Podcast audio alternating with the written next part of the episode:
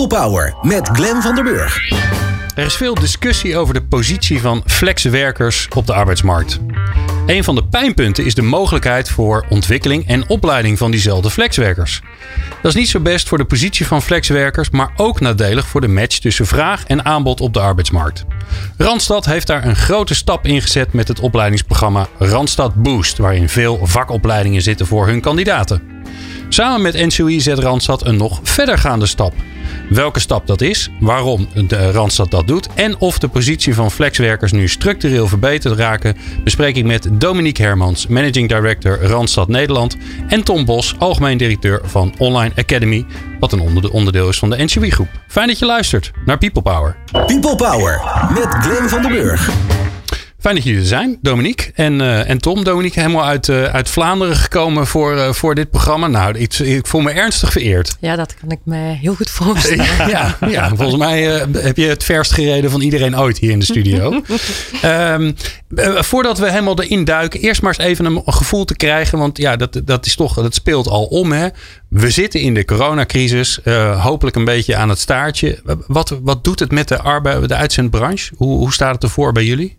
Ja, als je vorig jaar naar de crisis keek, hè, het, het, het, ergste moment was april, mei. Toen waren er echt uh, bij Randstad in onze groep ja, 25, 28.000 mensen die van de ene op de andere dag zonder baan vielen. Wow. Maar tegen oktober vorig jaar hadden we weer meer mensen aan het werk dan voor de crisis. Oh. Dus je ziet wel dat er ook veel beweging is. Hè. Dus er waren natuurlijk sectoren, een heel raar onevenwicht, wat je niet zo vaak merkt op de arbeidsmarkt.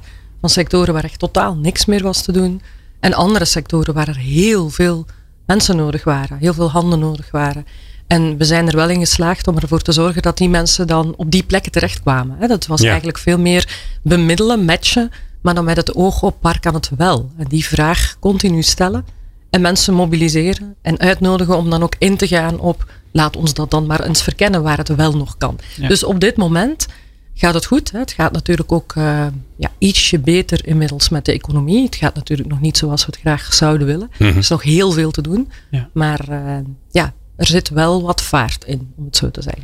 En zie je dan eigenlijk ook dat, dat jullie als Randstad een hele belangrijke, ja, misschien wel een soort makelende rol hebben op die arbeidsmarkt? Een soort wegwijzer. Zeggen van, oh, uh, jij hebt even niks te doen, uh, je baan vervalt, uh, maar ik zie daar dat er, dat er ruimte is. En, en dat je mensen echt ja, de weg wijst naar de plek waar, waar er weer werk is. Ja, dat zeg je eigenlijk heel goed. Dat hadden we eigenlijk altijd al. Hè? Als je het hebt over mensen ja, werk bieden, dan wil je eigenlijk graag werk bieden wat wat duurzamer is. Niet voor één dag of een paar uurtjes, maar waar je echt aan de slag kan.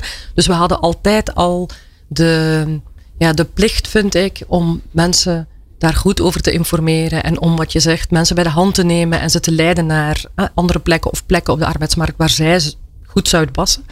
Uh, maar ik vind wel dat deze crisis heeft daar in ieder geval een soort momentum, uh, een soort schijnwerper opgezet op die kansen. En je ziet dat dat nu nog veel meer dan daarvoor echt tot zijn recht kwam. Hè? Omdat het ook echt nodig was. Omdat iedereen zag dat dat eigenlijk de beste manier was om ermee om te gaan. Ja. Heb, je, heb je een voorbeeld waarvan je zegt, nou ja, weet je, daar zagen we heel veel banen verdwijnen en, en die hebben we weer geholpen om daar weer nieuw werk te vinden? Ja, die zijn er zeker. En, en we hebben dat gedaan op basis van um, goed nakijken wat er in vacatures staat. Hè. Welke skills zijn er nodig en welke skills zijn er beschikbaar? En die dan proberen matchen. En een voorbeeld. Um, en bedoel je dan, eh, zodat wij het allemaal weer snappen, bedoel je dan skills in de zin van gewoon algemene vaardigheden? Of bedoel je de skills, want daar hebben we ook ooit een programma over gemaakt, meer de taal eigenlijk waarin we met elkaar praten over wat kan iemand? Um, ja, eigenlijk allebei. Het gaat over vaardigheden en inderdaad, eh, wat kan eigenlijk iemand? En als je daar gewoon goed op inzoomt, dan uh, zijn er soms in branches heel veel overeenstemmingen. En om dan concreet uh, een voorbeeld te geven, als je kijkt naar KLM, iedereen weet dat daar natuurlijk enorm veel banen zijn gesneuveld. Als je naar een grondsteward of een grondstewardess kijkt en naar wat zo iemand eigenlijk moet kunnen en goed kan, dan blijkt dat enorm goed te matchen met de zorg.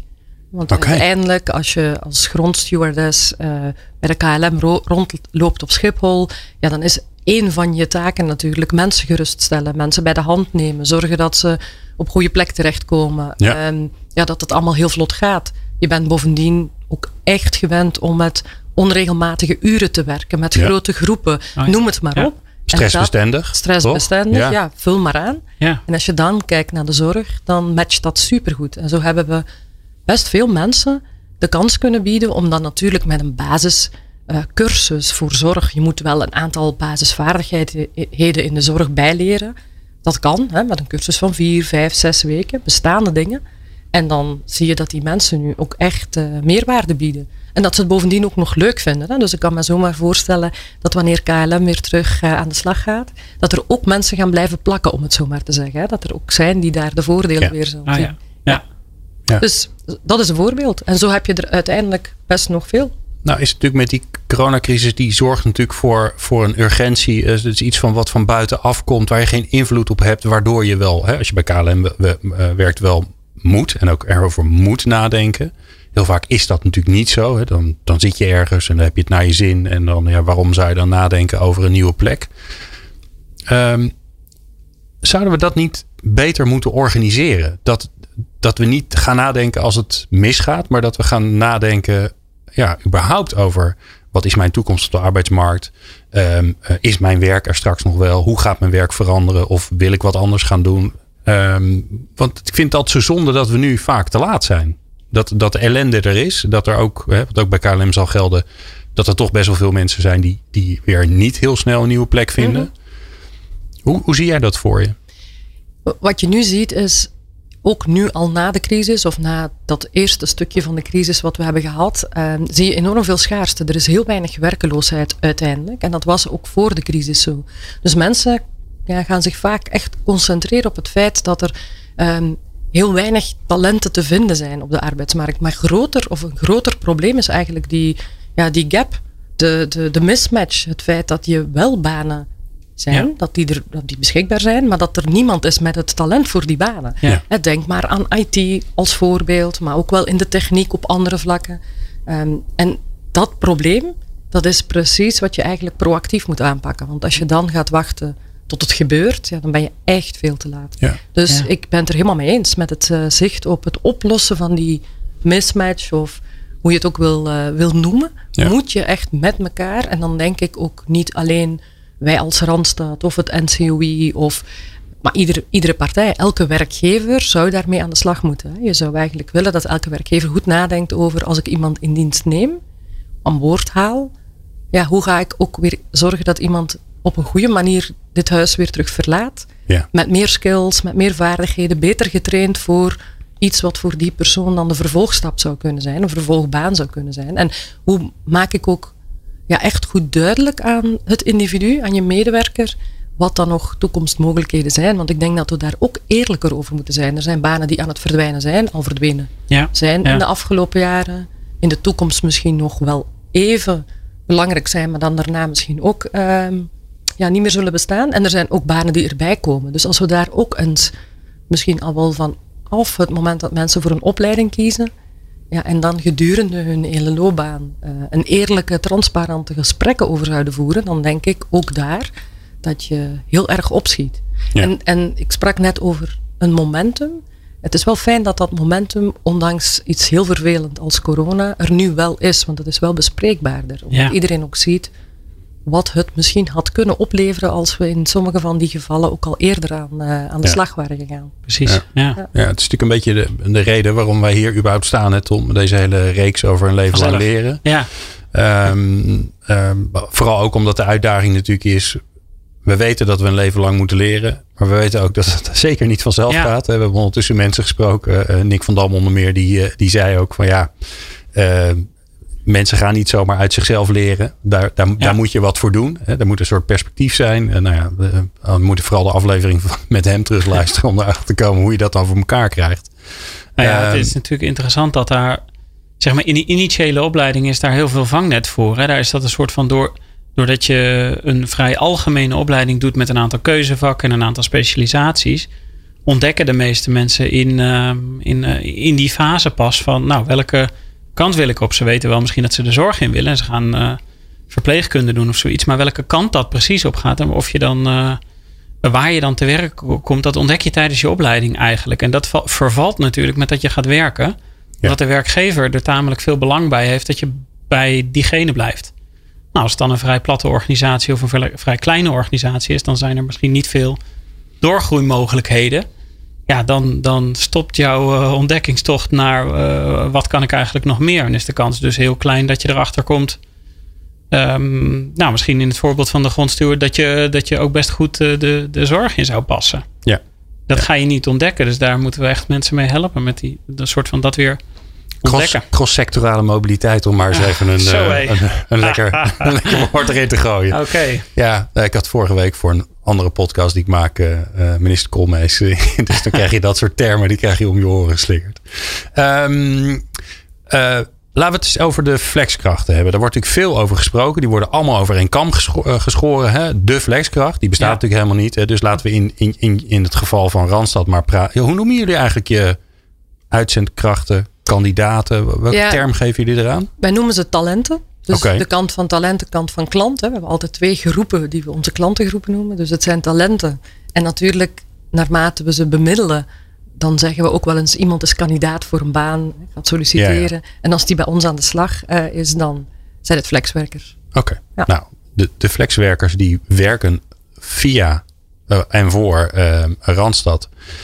Um, daar is natuurlijk veel discussie over geweest, want ja, je zal maar flexwerker zijn of ZZP'er. Of een, en uh, ja, hoe ga je jezelf dan ontwikkelen? Je past niet bij een O&O-fonds. Er is geen werkgever die een prachtige portal heeft met allerlei mooie opleidingen. Uh, maar daar hebben jullie wat aan gedaan. Onder meer door uh, uh, Randstad Boost. Mhm. Mm -hmm. En nou zit iedereen natuurlijk thuis te denken: ja, maar wat is dat dan? Dus dat kan ik dan heel mooi aan jou vragen, Dominique. Randstad Boost, wat, wat moet ik me daarbij voorstellen? We hebben bij Randstad een hele duidelijke ambitie om eigenlijk het werkende leven van mensen te faciliteren. Dus dat betekent alles wat met werk te maken heeft, daar willen we eigenlijk een belangrijke rol in spelen. En we zouden willen dat iedereen die aan werk denkt, of je nu een klant bent van ons, dus een bedrijf wat nadenkt over welke mensen bij jou aan het werk zouden moeten, of je bent het individu, dat talent op die arbeidsmarkt, wat een vraag heeft. Het maakt niet uit waar het over gaat. Dan willen we eigenlijk. Ja, ik dan, dus ook. Ja, zeker. Oké. Okay. Ik denk oh, het wel. Nu wordt het leuk. Oh, nu wordt het leuk. Nu ga ik even ik denk het wel. ja, dus, Ja. dus je, je wil eigenlijk daar een belangrijke rol in spelen. En hebben we natuurlijk wel gewoon een stukje um, geduid. Hè. Je kunt niet alles voor iedereen willen doen. Dus wij zijn heel duidelijk gaan inzoomen op. Als je dan toch dat werkende leven wil vergemakkelijken, laat ons dan eens beginnen met werk. Dat thema dat kennen we al 60 jaar bij Randstad. Dus dat is niet meer zo nieuw. En daarnaast ook ontwikkelen. Dus werk en ontwikkelen zijn eigenlijk de twee domeinen waar we ons echt sterk in willen maken en ook echt willen verbreden en zorgen dat we dat grondig aanpakken. En Randstad Boost is een van de eerste um, ja, proposities, dingen die we naar de markt brengen, waarin we starten met dat ontwikkelen ook echt vorm te geven, met ook echt iets te doen. Want we praten daar misschien al wel lang over, Mhm. ook in onze sector, maar je moet het ook echt gewoon doen. Dus nog voor de crisis waren we volop aan de slag met dit um, ja, op te zetten, na te denken over wat betekent dat dan, hoe moet dat dan.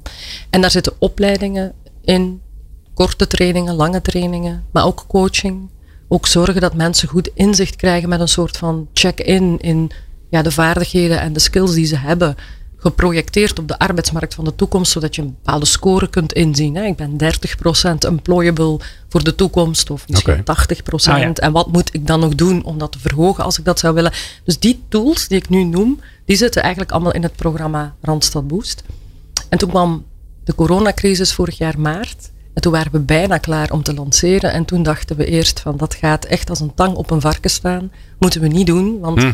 alles valt in elkaar. Hè? Je moet even terug wat houvast zoeken. Ja. En is dit nu het moment om hiermee Ja, eh, te komen? Dus we hadden al plannen om het eh, tot na de zomer uit te stellen. En toen waren we nauwelijks drie weken verder en toen zeiden we... Is eigenlijk Juist nu. exact, Ja, toch? juist nu Ja. het moment. En dan konden we dan ook heel snel lanceren omdat het klaar was. Dus we zijn dan eigenlijk in mei vorig jaar ehm, dit gaan vertellen. En we zijn eigenlijk begonnen met, ik sprak net over die paar tienduizenden mensen zonder baan.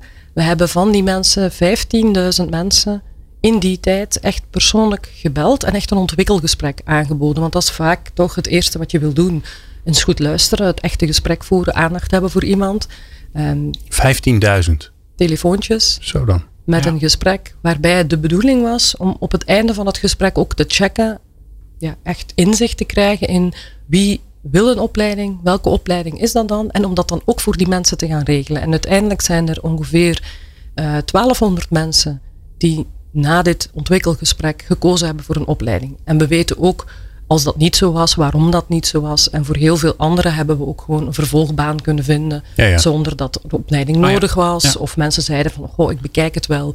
Want ik denk dat ik nog wel terug aan de slag kan waar ik aan de slag was. Want ik hoorde Tom net zeggen, werkgevers hebben er belang bij dat mensen zo lang mogelijk voor hun werken. Maar Helaas je wel, merkt ook dat merknemers er vaak ook belang bij hebben. Of voelen Ja, ja. dat ze het liefst van al toch verbonden blijven aan wat bekend is. Werkgever die ze Ja. gekozen hebben. Dus dan zie je dat dat eigenlijk aan beide kanten werkt. Maar goed, uiteindelijk met die 15.000 gesprekken hebben we natuurlijk enorm veel data bij elkaar verzameld. En zij hebben eigenlijk aan de slag gegaan met wat is er nog meer nodig om dit nog beter te doen. Want wat je merkt is, Maar even, even, even die 1200 mensen. Hè, dus een gesprek gehad bij 1200 mensen. Nou, dit zou ook iets voor je kunnen zijn. Dan zou je deze opleiding kunnen doen. Wat moet ik me daarbij voorstellen? Is dat een eh, eh, cursus eh, coderen in taal X in de ICT? Of is het een, een, een, een ROC die vervolgens een, een, een opleiding tot verzorgende in de zorg? Ja, dus dat voorbeeld van KLM en die grondsteward, stewardessen die Ja. richting zorg konden, dat is bijvoorbeeld een resultaat van al die gesprekken. Hè. Dus dat je zegt, je gaat daar een aantal basisvaardigheden zorg aanbieden. Maar als je kijkt naar de top 10 die eruit kwam, van al die opleidingen, van die 1200 zeg maar, dan was de eerste opleiding die werd gekozen een klantvriendelijkheidstraining Oh, omdat je heel erg goed kon zien in de 100.000 vacatures die beschikbaar waren, dat dat bijvoorbeeld een van de vaardigheden is die bijna Oh ja. overal terugkwam. Ja. De manier Ah. waarop je luistervaardigheden hebt, waarbij je het onthaal doet op een bepaalde plek in een ziekenhuis. Eh, we hadden heel veel mensen nog altijd overigens nodig in teststraten, inmiddels ook prikstraten. Dat Ja. zijn natuurlijk allemaal ja, mensen die met mensen om moeten gaan en waarbij die, die interpersoonlijke vaardigheden heel belangrijk zijn. Dus dat was de, ja, dat was de allergrootste. En dan daarna inderdaad, ehm, ja, ik zal zeggen, opleidingen die wat meer te maken hebben met IT-tools. Geen zware IT-opleidingen, maar zelfs nog iets als een heel klassieke opleiding Excel. Of Oh ja. kan, kan ik mij eens verdiepen in een bepaald programma. Dus die zaten er ook zeker tussen. Dus eigenlijk meer de basale vaardigheden om je baankast te vergroten, zeg maar. Ja, daar, daar begonnen we mee. Maar Ja, ja. je ziet wel dat ehm, het uitbreiden van Randstad Boost nu, waar je ook helemaal in, in je inleiding naar refereerde met, met NCOI en opleiden.nl die gekoppeld is, heeft daar ook wel veel mee te maken. Omdat je soms ziet dat de vraag naar opleidingen ja, nog anders was dan die wij konden inschatten. Mm. Hè, Dus dat mensen soms ook ehm, ja, iets totaal anders willen doen.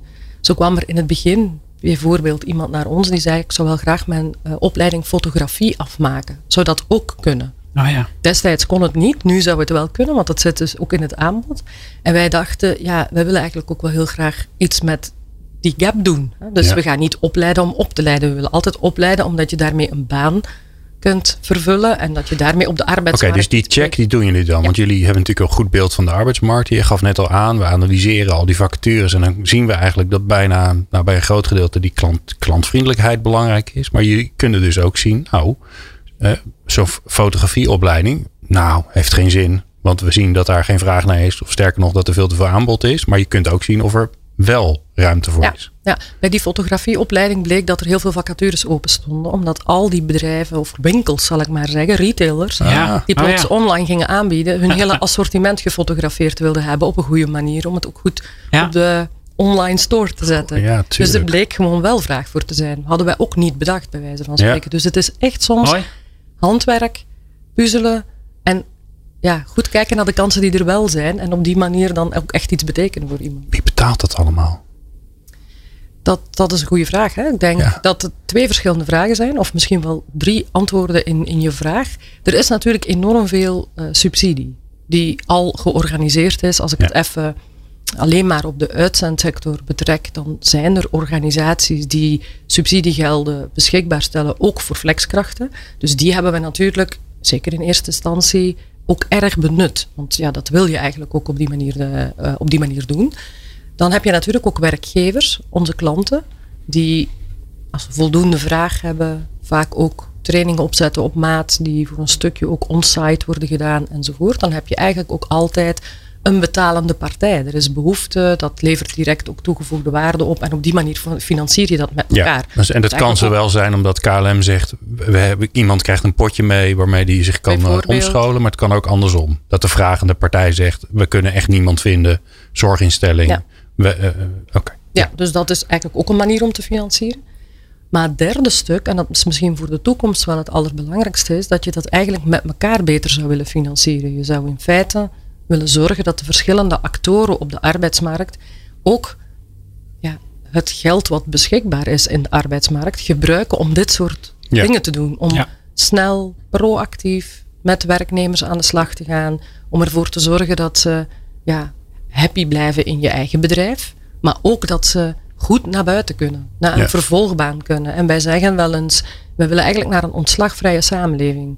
Het feit dat niemand nog ontslagen zou moeten worden. Want als je dat zou bedenken, dan kun je ook alles wat aan werkloosheidsuitkeringen wordt uitgegeven. En dat gaat over enorm veel geld. Ja. Ja. Ja. Stel je maar eens voor dat je dat geld hiervoor zou gebruiken. En je doet dat hè, met een hele positieve wending. En niet alleen maar aanwenden op het moment dat het ja, te laat is, zoals Dus, we net ook al eens eh, een keertje zeiden. Dus Ja. dat is eigenlijk een toekomstige vraag waar het antwoord natuurlijk theoretisch heel mooi klinkt. En waar je in praktijk aan de slag zult moeten om te zien wat kan en wat kan niet. Maar Ja. daar wil je Ja. wel over nadenken natuurlijk. Dat zou nog eens een keer een mooie volgende aflevering zijn. Waarbij we een paar mensen bij elkaar halen die, die, waarbij we daar eigenlijk beginnen. Dus dan zeggen we, stel je voor dat er niemand meer ontslagen wordt. Hoe ziet, Ja. dan, hoe ziet die arbeidsmarkt er dan uit? En wij kennen nog wel een paar leuke arbeidsmarkt eh, hoogleraren. Ja. En, Oké, Wordt die, iedereen die gaan we in ieder geval doen. Tenminste, Dominique, als jij zegt, als we dat gaan doen, dan ben ik erbij. Want jij Ja. bent nu de initiatiefnemer daarvan. Van de ontslagvrije deze, ja. samenleving. Eh, ik weet dat we in ieder geval Ja. ehm, eh, de basisbaan, die is wel eens langsgekomen. Eh, dus die zit daar ook in de buurt. Ehm, eh, mooi. Waarom vinden jullie het zo belangrijk om dit te doen? Dus even, even terug naar het, naar het waarom. Dus waarom is het zo belangrijk dat, die, dat jullie het initiatief nemen om het voor jullie flexkracht, eh, voor jullie flexwerker te organiseren? Want je zou ook kunnen zeggen, ja kom op jongens, allemaal volwassen mensen. Die moeten dat gewoon lekker, lekker zelf doen. Ik denk dat een werknemer, een individu, maakt niet uit hoe je het noemt, maar ja, de persoon aan zich ook altijd wel aan het stuur moet zitten. Daar, daar ben ik ook van overtuigd. Hè. Je kan niet, ik ben niet van mening dat dit een verantwoordelijkheid is van de werkgever. Of een verantwoordelijkheid is van het uitzendbedrijf. Of dat, dat denk ik niet. Het individu moet ook echt aan het stuur gaan zitten. Moet dit ook willen. Moet ook iets zijn waarvan ehm, ja, het moet landen op vruchtbare bodem bijna. Dus ik, ik vind dat dat eigenlijk altijd aan twee kanten komt. Wat ik wel zie is, jij zei het ook al toen we begonnen, zo'n flexkracht die denkt, ja, ik heb niet echt een werkgever. Wij zijn theoretisch of ja, bedoel, juridisch ook werkgever en we doen enorm veel inspanningen om mensen op weg te helpen. Ja. Ik denk dat we dat ook goed doen. Maar op opleiden hebben we natuurlijk nog niet met z'n allen al 60 jaar track record. Dus ik kan mij voorstellen dat men denkt van hoe moet dat dan? En bij wie moet ik dan terecht? En wie gaat dat dan voor mij begeleiden? Enzovoort. Ja, en dan denk ik dat het nu voor ons heel belangrijk is om het onder de aandacht te brengen. Om het echt aan te bieden en ervoor te zorgen dat mensen het heel makkelijk beschikbaar hebben. Dat het super simpel te gebruiken is. Dat het ja, zichzelf uitwijst. En als dat niet zo is, dat ze dan geholpen worden met die coaching waar ik over sprak. Hè. Ik denk als je Ja. nu naar onze portal gaat, doorgelinkt naar opleiden.nl, dan heb je een paar honderd mogelijke opleidingen die je mag aanvragen, die je mag doen. Daar kan het zomaar zijn dat iemand zijn weg niet direct in vindt. En dan moeten we er ook zijn om te zeggen: Oké, heb je jezelf de juiste vragen gesteld? Wat zou je willen bereiken in de toekomst? Wat denk je dat je wil doen? En op die manier even ook gaan kijken wat de slaagkans is van zo iemand in zo'n opleiding. Want je wil natuurlijk ook echt dat het lukt. Dus die begeleiding, Ja. ik vind dat die ook echt van ons nu moet komen. Dus dat is het waarom. Omdat ik vind echt in onze ambitie zit dat dat een rol is die we willen oppakken. Ja. Je kunt niet alleen maar het stukje werk doen als je weet dat die arbeidsmarkt zo in beweging is. Want dan is dat misschien voor een aantal mensen ingewikkeld. Ja. En jullie Dus- hebben ook vrij cruciale kennis, denk ik, inmiddels over die, over die bewegingen in de markt. eh, die je kan gebruiken om die mensen juist advies te geven. Ja, klopt. Want dat is het interessante. Hè? Als je nu kijkt naar deze samenwerking die we hebben met, eh, met NCOE, dan, dan kun je ook dingen bij elkaar leggen. Hè? Je weet bijvoorbeeld welke mensen, en dat hoeft niet over namen te gaan natuurlijk, hè? want we respecteren daarin de privacy, maar gewoon op het metaniveau weet je Ja. welke mensen kiezen een bepaalde opleiding, met welke skills. En zouden we die mensen kunnen verleiden om andere opleidingen te kiezen die wel of meer kans maken op banen. Want uiteindelijk denk ik dat dat is wat iedereen wil. Hè. Werk brengt welvaart, brengt zingeving. Daar, daarom kom je 's ochtends Ja. Graag uit je bed of niet. Hè. Dus dat zijn, dat zijn wel de, dingen waar je moet over nadenken. Hoe kun je die data gebruiken om ja, die gap echt ook oplos, op te lossen met elkaar? En dat vraagt investeringen, want daar begon dit stukje Ja. mee. Ja. Dat je Ja, ja, natuurlijk ja. geld nodig hebt om dat allemaal te doen. En dat kun je trouwens ook niet alleen. Daar heb je ook andere actoren voor nodig. Want we hebben het nu over werkgevers en uitzendbedrijven maar, en, en opleiders. Maar je hebt natuurlijk ook nog bijvoorbeeld de gemeenten die een enorm belangrijke rol spelen om mensen weer aan het werk te krijgen. Of het UWV, wat daar goede dingen in doet. Maar die komen Ja. ook maar pas ja, aan bod. Die hebben maar het mandaat op het moment dat iemand werkloos is. Ja, die, Dus- die, die beginnen als we te laat zijn. Ja. Ja, dat, dat kiezen ze zelf misschien niet, maar zo is het Nee. ingericht. Hè? Zo, is het, zo is het uiteindelijk ingericht. En dat zouden we met elkaar kunnen proberen aanpakken. Ja. Ehm, nou, ehm, nou zit er. Het voorbeeld wat we nu hebben langs horen komen, dat is heel erg gestructureerd. Hè? Dus wordt gebeld, je krijgt een intakegesprek, vervolgens krijg je een advies. En dan vervolgens is de vraag wat mensen ermee gaan doen. eh, of echt een opleiding, of een beetje coaching, of, eh, of een beetje bijscholing, of helemaal niks als iemand nergens zin in heeft. Maar jullie hebben nogal wat ehm, flexwerkers voor jullie werken. Geldt dit dan voor hun allemaal? Dus wil je eigenlijk met al je flexwerkers hiermee aan de slag? Ja, En ehm, zo. Hoeveel zijn het er? Maar even te laten schrikken. 60.000. Ongeveer 60.000.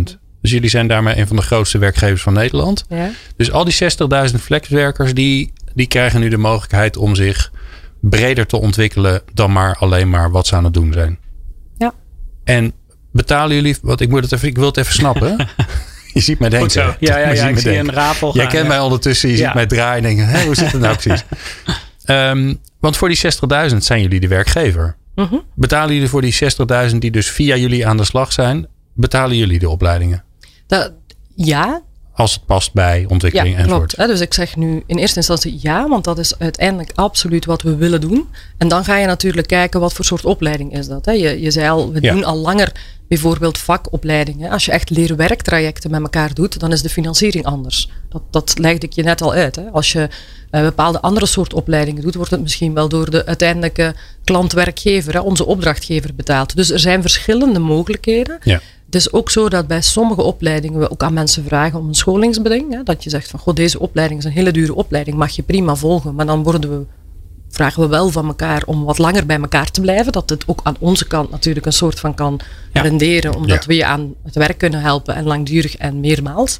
Ehm, dus er zijn verschillende, ja, daarna wegen die je kunt bewandelen. Met uiteindelijk heel in detail hoe het dan gefinancierd wordt. Maar het basisantwoord is ja.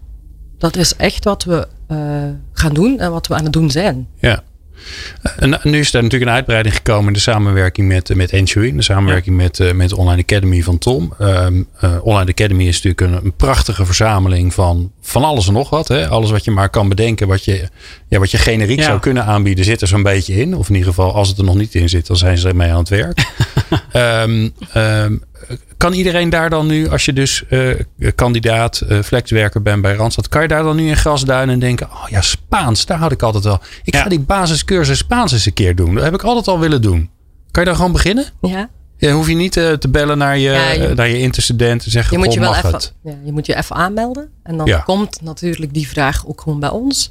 En we hebben wel basisafspraken tussen het NCOI hè, of op Online Academy en, en Randstad.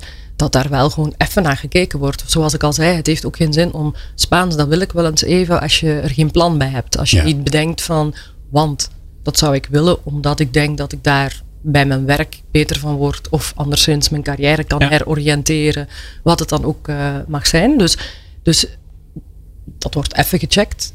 En dan krijg je een go en dan kan je beginnen. Ja, ja. En dat gesprek heb je dan met je. Ja. Heet ze nog interstudenten tegenwoordig? Ja, Ja. hè? ja. Dat gesprek heb je met elkaar. En die spreek je sowieso. Want die moeten al die 60.000 mensen nu natuurlijk hun intakegesprek mee gaan doen. Ja. En ik, ik vind het ook zeer goed dat ze dat gesprek hebben. Dat is ook een bewuste keuze. Want technisch gezien kan alles. hè. Je zou technisch ook kunnen zeggen.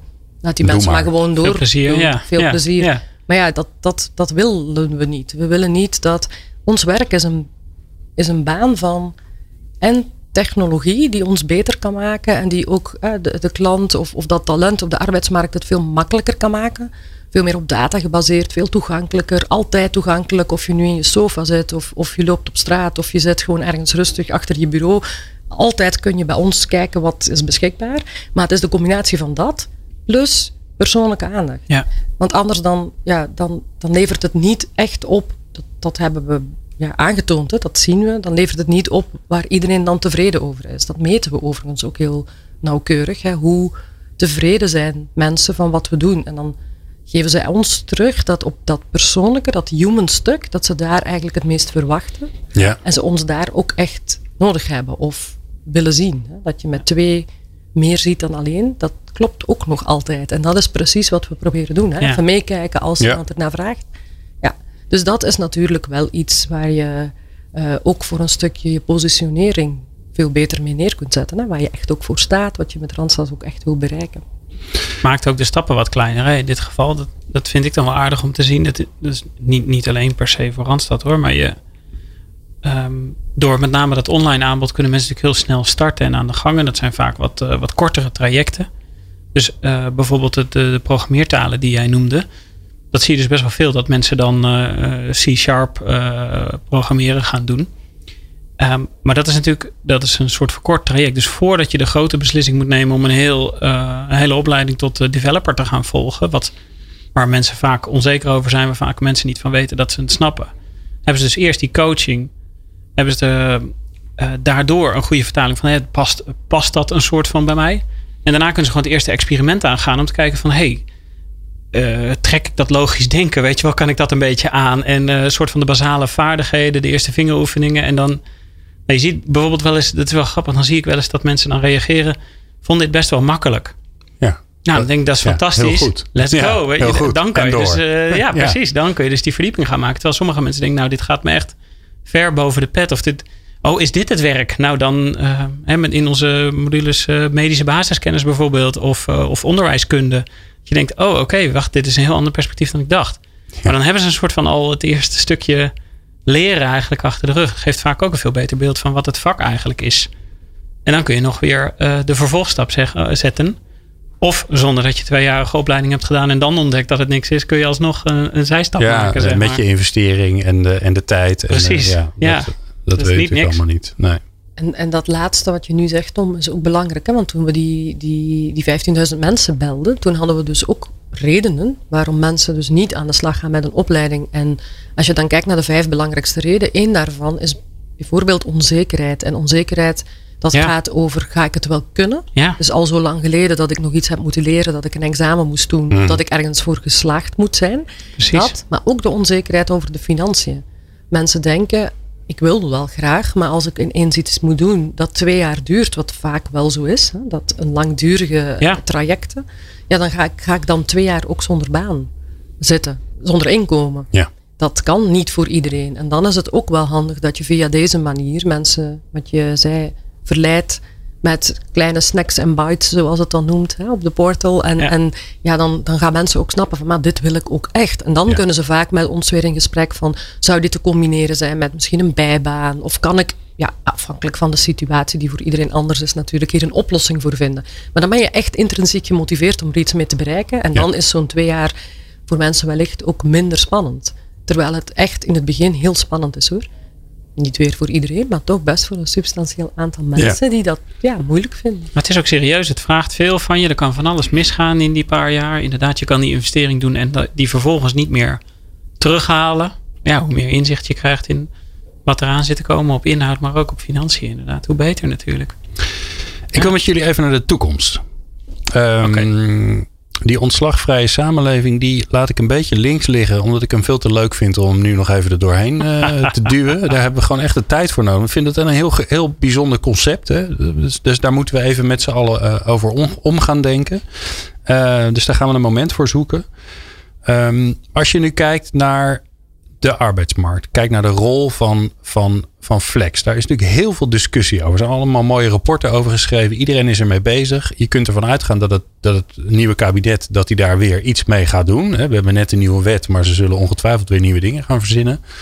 Ehm, wa- wat, zie jij voor je? Wat, wat moet er gebeuren op die arbeidsmarkt om ervoor te zorgen dat, nou ja, eh, dat we voorkomen dat mensen eh, er tussenuit vallen? Eh, want dat is heel verdrietig. Maar ook om ervoor te zorgen dat mensen die eigenlijk nooit de kans gekregen hebben, dat die wel de kans gaan krijgen.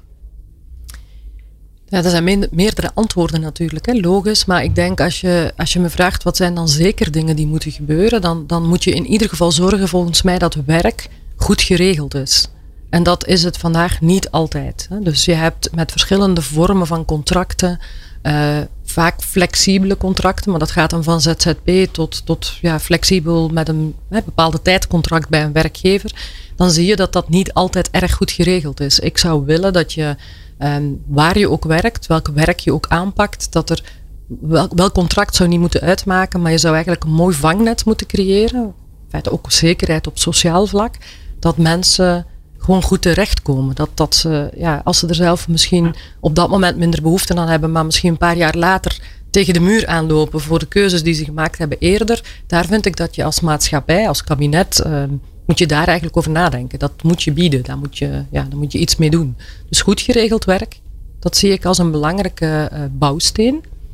Um, en, ja, en het andere is dat je volgens mij ook heel erg goed moet kijken naar um, wat nodig is voor de economie. Dat wordt wel eens als heel raar beschouwd, hè, dat je het daar dan over hebt. En dan denk je, ja, ga je ineens over bedrijven beginnen. Maar als je in de crisis terugkijkt, dan denk ik dat er superveel bedrijven in Nederland blij waren met een boel flexibiliteit. En als je dan partijen hebt die aan de andere kant die flexibele schil opvangen en naar andere sectoren kunnen leiden waar het nodig is, dan is er eigenlijk ook niet zo heel veel aan de hand. Dan doen we met z'n allen goed werk, dan kijken we naar de kansen die er zijn. Maar flexibiliteit beschouwen als laat ons maar zo weinig mogelijk flex of minder flex en meer vast. Ja, dat heeft zich bewezen niet altijd de goede insteek te zijn. Dus een gezonde mix um, is, is natuurlijk altijd nodig. Dat, dat, dat vind ik ook. Hè. Maar vind je dan dat de verkeerde discussie gevoerd wordt? Want de, de, de discussie is heel erg um, minder. Hè. We zijn doorgeschoten, er is te veel flex, er is te weinig vast. Dus meer vast, minder flex. En uh, flex moet duurder worden, want flex is nu te goedkoop. Um, maar ik hoor jou eigenlijk zeggen, nee, je moet het gewoon beter regelen. Je moet voor meer, hè, flex moet niet gelijk staan aan onzekerheid. Want dat is natuurlijk nu wat er vaak gebeurt. Oh, ik heb een uitzendkracht. Nou, ik heb hem niet meer nodig. Toedeledokie, uh, gaan we weer lekker naar huis. Uh, veel jongeren nu natuurlijk die, uh, die een probleem hebben. Die hun bijbaantjes kwijt zijn. Die hun studie ineens schuld op zien lopen enzovoorts. Hoor ik je dat zeggen? Meer zekerheid voor Flex is prima, maar meer zekerheid. En, en hoor ik je ook zeggen, laat ons die rol dan spelen. Ja, zeker. Als je goed geregeld flex uh, organiseert, dan, dan staat dat gelijk voor een zekerheid. Hè? Een bepaalde manier waarop er voor je gezorgd wordt, hè? waardoor je ontzorgd wordt op een aantal dingen. En dat, dat zeg ik inderdaad. Hè? Ik denk dat we zeker de verkeerde discussie voeren als je het uh, over die kam scheert. En zoals ik al zei, niet alle flex is goed geregeld op dit moment. En dat is eigenlijk vervelend. En waar je vandaag ziet dat jongeren uh, vaak aan de kant staan, dat heeft dan wel met die crisis te maken. En dat is dan niet helemaal de goede vergelijking natuurlijk. Want dat is omdat in horeca- en eventsector het heel moeilijk is. En omdat daar veel jongeren aan het werk zijn. Ja. dat heeft veel meer te maken met een sector die onder druk staat. Dan het feit dat studenten nu niet aan baan zouden kunnen geraken. Als je kijkt naar bijvoorbeeld contacttracing, ik durf daar geen harde cijfers op plakken. Maar ik zie in ieder geval aan onze kant, daar waar wij ook gewoon flex leveren voor die contacttracing, dat er enorm veel studenten tussen zitten. Dus er zijn nog wel banen. Alleen ja, je vangt niet met die uh, corona-gerelateerde banen de volledige dip op die, die horeca- en eventsector natuurlijk, hè, de hospitality uh, veroorzaakt. Maar, maar het klopt dus, ja goed geregeld, beter geregeld. Misschien ook zorgen voor betere pensioen, misschien ook zorgen voor uh, arbeidsongeschiktheidsverzekeringen voor alle vormen van flex. Hè. Dus ook bijvoorbeeld voor ZZP of ja, welke vorm dat er dan ook nog uh, ja. zou ontstaan of is. Ja. Het zal uiteindelijk ook best eens kunnen zorgen dat, ze, dat, dat, dat überhaupt iedereen wat meer risico durft te nemen natuurlijk in zijn werk. Hè. Veel mensen blijven natuurlijk, ook die in vaste dienst zijn, blijven in vaste dienst of zelfs in de functie waar ze in zitten omdat ze niet weten wat de toekomst gaat bieden. Of omdat ze bepaalde risico's op dat vlak willen mijden. Wat, wat natuurlijk uh, zeer begrijpelijk is met een, uh, met een gezin en een hypotheek en, uh, en een crisis, zeg maar. Je zegt nou kom niet in beweging. Maar als het zowel vast als flex ehm, goed georganiseerd is. En je het idee hebt dat er een fijne basis is waar je toch wel op terug kan vallen als er iets is. Ik kom toch weer bij die ontslagvrije samenleving ja, Sorry. Ja, ik kan er niks aan doen. als eenmaal zo'n zo'n zaadje geplant wordt, dan ga je daar gewoon rondjes draaien totdat je er elke keer weer uitkomt. Ja, zo werkt het gewoon. Ja, maar dat is toch dat mensen dan gewoon vaker een opleiding durven te gaan volgen. Dat mensen vaker een baan switch of zeggen van ik ga van flex naar vast of andersom. Gewoon om, om eens te ontdekken hoe het is om in een andere wereld te werken. Er zijn, ja, er wel zijn, gezond. Ja, en er zijn ook goede voorbeelden van. Want er zijn in, in de afgelopen maanden best veel gemeenten die, die eigenlijk ook niet alleen maar voor hun werklozen zijn opgekomen, maar die via uh, uiteindelijk werkgeversorganisaties of de werkgevers uit een regio uh, aan de slag gegaan zijn met als jij mensen hebt, gelukkig vaak door een NOW-subsidie gesubsidieerd, om het zo maar te zeggen, maar die geen werk hebben op dit moment, wel in vaste dienst zijn, zouden we niet kunnen kijken in die regio of er andere bedrijven zijn die toevallig deze mensen extreem goed kunnen gebruiken, zonder dat je over ontslag spreekt. Hè, zonder dat je het hebt over het is een flexibel contract en dat kunnen we zomaar stoppen, ja. bijvoorbeeld. Ja. En daar zijn heel veel mooie voorbeelden. Er zijn echt arbeidsmarktregio's die daar um, echt goed werk hebben geleverd en waar we soms tussen zitten, soms niet, hè, maar waar we soms die, die regierol kunnen pakken en dan zie je dat dat precies is wat je eigenlijk zou kunnen gaan doen. Ja, ja ik hoor jou eigenlijk ook weer zeggen, nu ook weer, hè, die, die, die functie van wegwijzer in de markt. Hè, want dat vind ik altijd, we hebben het altijd over de arbeidsmarkt. Alsof vraag en aanbod zichzelf vanzelf vinden. Dat is natuurlijk helemaal niet zo. Ehm, en juist die regierol, enerzijds door te snappen waar is het werk überhaupt. En anderzijds ook door te snappen wat, ja, waar, waar liggen je talenten, je kwaliteiten. Daar ben ik ondertussen wel achter in deze aflevering dat die, uh, dat die heel hard nodig is. En dat ik jou hoor ook zeggen, Dominique, uh, dat is nou precies wat wij, uh, wat wij ambiëren, wat onze rol is als Randstad. Ja, wat we ook kunnen. Ja. Mooi. Tom, heb jij nog een. Uh, ik ben een beetje op zoek naar de uitsmijter eigenlijk. Naar de uitsmijter? Ja, de uitsmijter. Gewoon een soort, soort strik eromheen. Ja, ja, jij wil het niet over de ontslagvrije samenleving hebben. Dus ja, dan. Nee, maar daar gaan we een aparte aflevering ja. over maken. Ja. Nee, uh, kijk, ik denk in het kader van een, van een leven lang leren is dit wel. Wat ik uh, vind het ook echt heel interessant om, om met een partner als, als Randstad en Dominique samen te werken. Omdat het. Ja, ik zie zeg maar daar een soort van uh, optimum eigenlijk. Hè? Omdat het vaak zijn het zulke losse blokken werk en leren. Dat, dat, en, en er wordt wel in, in de leerwereld vaak gezegd. Ja, leren en werken moeten één zijn, zeg maar. Hè? Tijdens je werk leren. Nou ja, oké, dat, dat snap ik dan. Maar dit is een nog veel fundamentelere discussie eigenlijk. Van hoe, hoe breng je mensen van A naar B? Uh, of of ja, hou je ze eigenlijk in beweging? Hè? Want dat is natuurlijk de essentie. En ja, hoe meer wij um, in, in dit soort samenwerkingen uh, spreken. Hoe meer ik ontdek, dat, dat kunnen wij uh, absoluut niet zonder al die marktkennis. Zonder, de ja, zonder ook naar het werk te kijken. Niet alleen naar het leren, zeg maar.